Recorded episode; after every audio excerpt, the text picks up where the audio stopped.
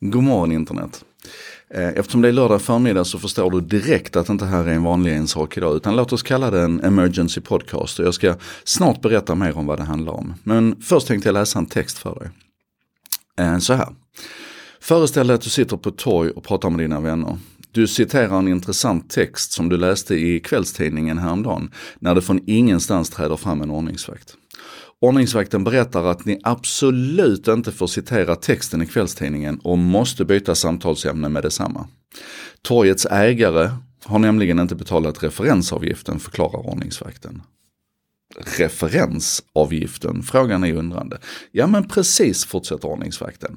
Enligt ny lag så måste alla allmänna torg betala en avgift till tidningarna för att folk ska få referera till tidningarnas innehåll. Efter att ordningsvakten gått sin väg eh, så visar din vän en semesterfilm på mobilen från en frukost i campingstugans kök. Och ni hinner inte långt in i filmen förrän ordningsvakten är tillbaka.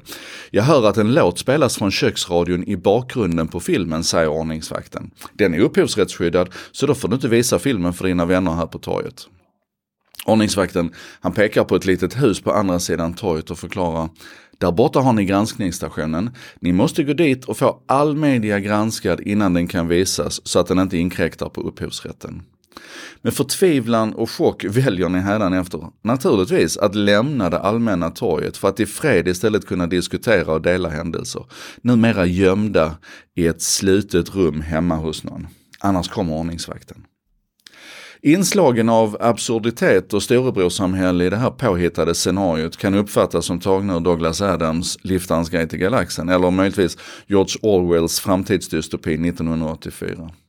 Tragiskt nog så är detta mycket nära att bli en verklighet för alla oss EU-medborgare. Inte ute på de fysiska torgen, utan på det torg där majoriteten av alla samtal och allt utbyte av idéer sker idag. Nämligen på internet. Ja, Granskningsavgiften här, eller referensavgiften som man pratar om i texten, det är naturligtvis länkskatten som det pratas om. Och eh, den här eh, gransknings, eh, ska vi säga vad kallade vi det i texten? Eh, granskningsstationen, det är naturligtvis det här uppladdningsfiltret eller censurfiltret.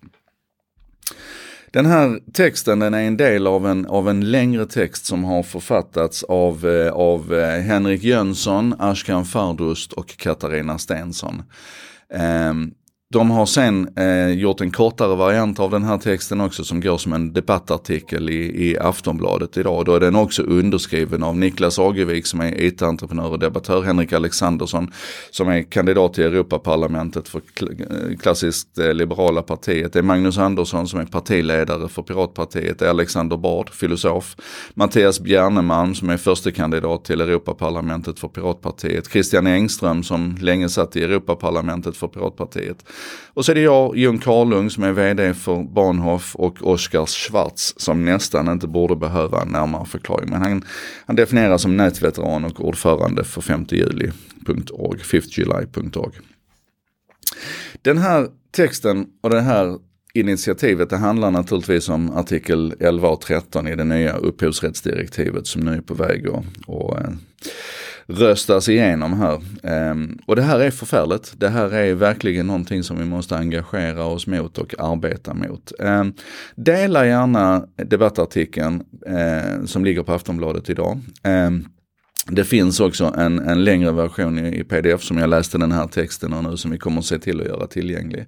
Men utöver dela den så ta texten och, och gör, gör om den lite grann så den, den, den, ni får lov att använda den. Gör om den till en, en insändare i lokaltidningen eller om du bor granne med en redaktör på Nyhetsmorgon, säg till dem att det här måste ni ta tag i. Eller om du om du eh, är annonsör på gratistidningen, den lokala gratistidningen, så passa på att ge dem den här texten för de älskar fritt material. Alltså låt det här få vingar och fötter.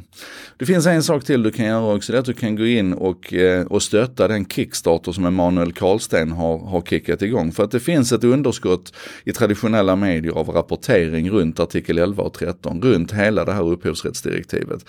Och för att vi ska få lite, lite bra journalistiska texter och numera också lite videomaterial och sånt ifrån det som händer nere runt Europaparlamentet inför och under omröstningen som blir antingen här nu i slutet på mars eller i april så samlar vi ihop pengar till Emanuel Karlsten så att han kan åka ner. Han är uppe i över 90 000 redan vilket betyder att han kan stanna där nere i flera dagar.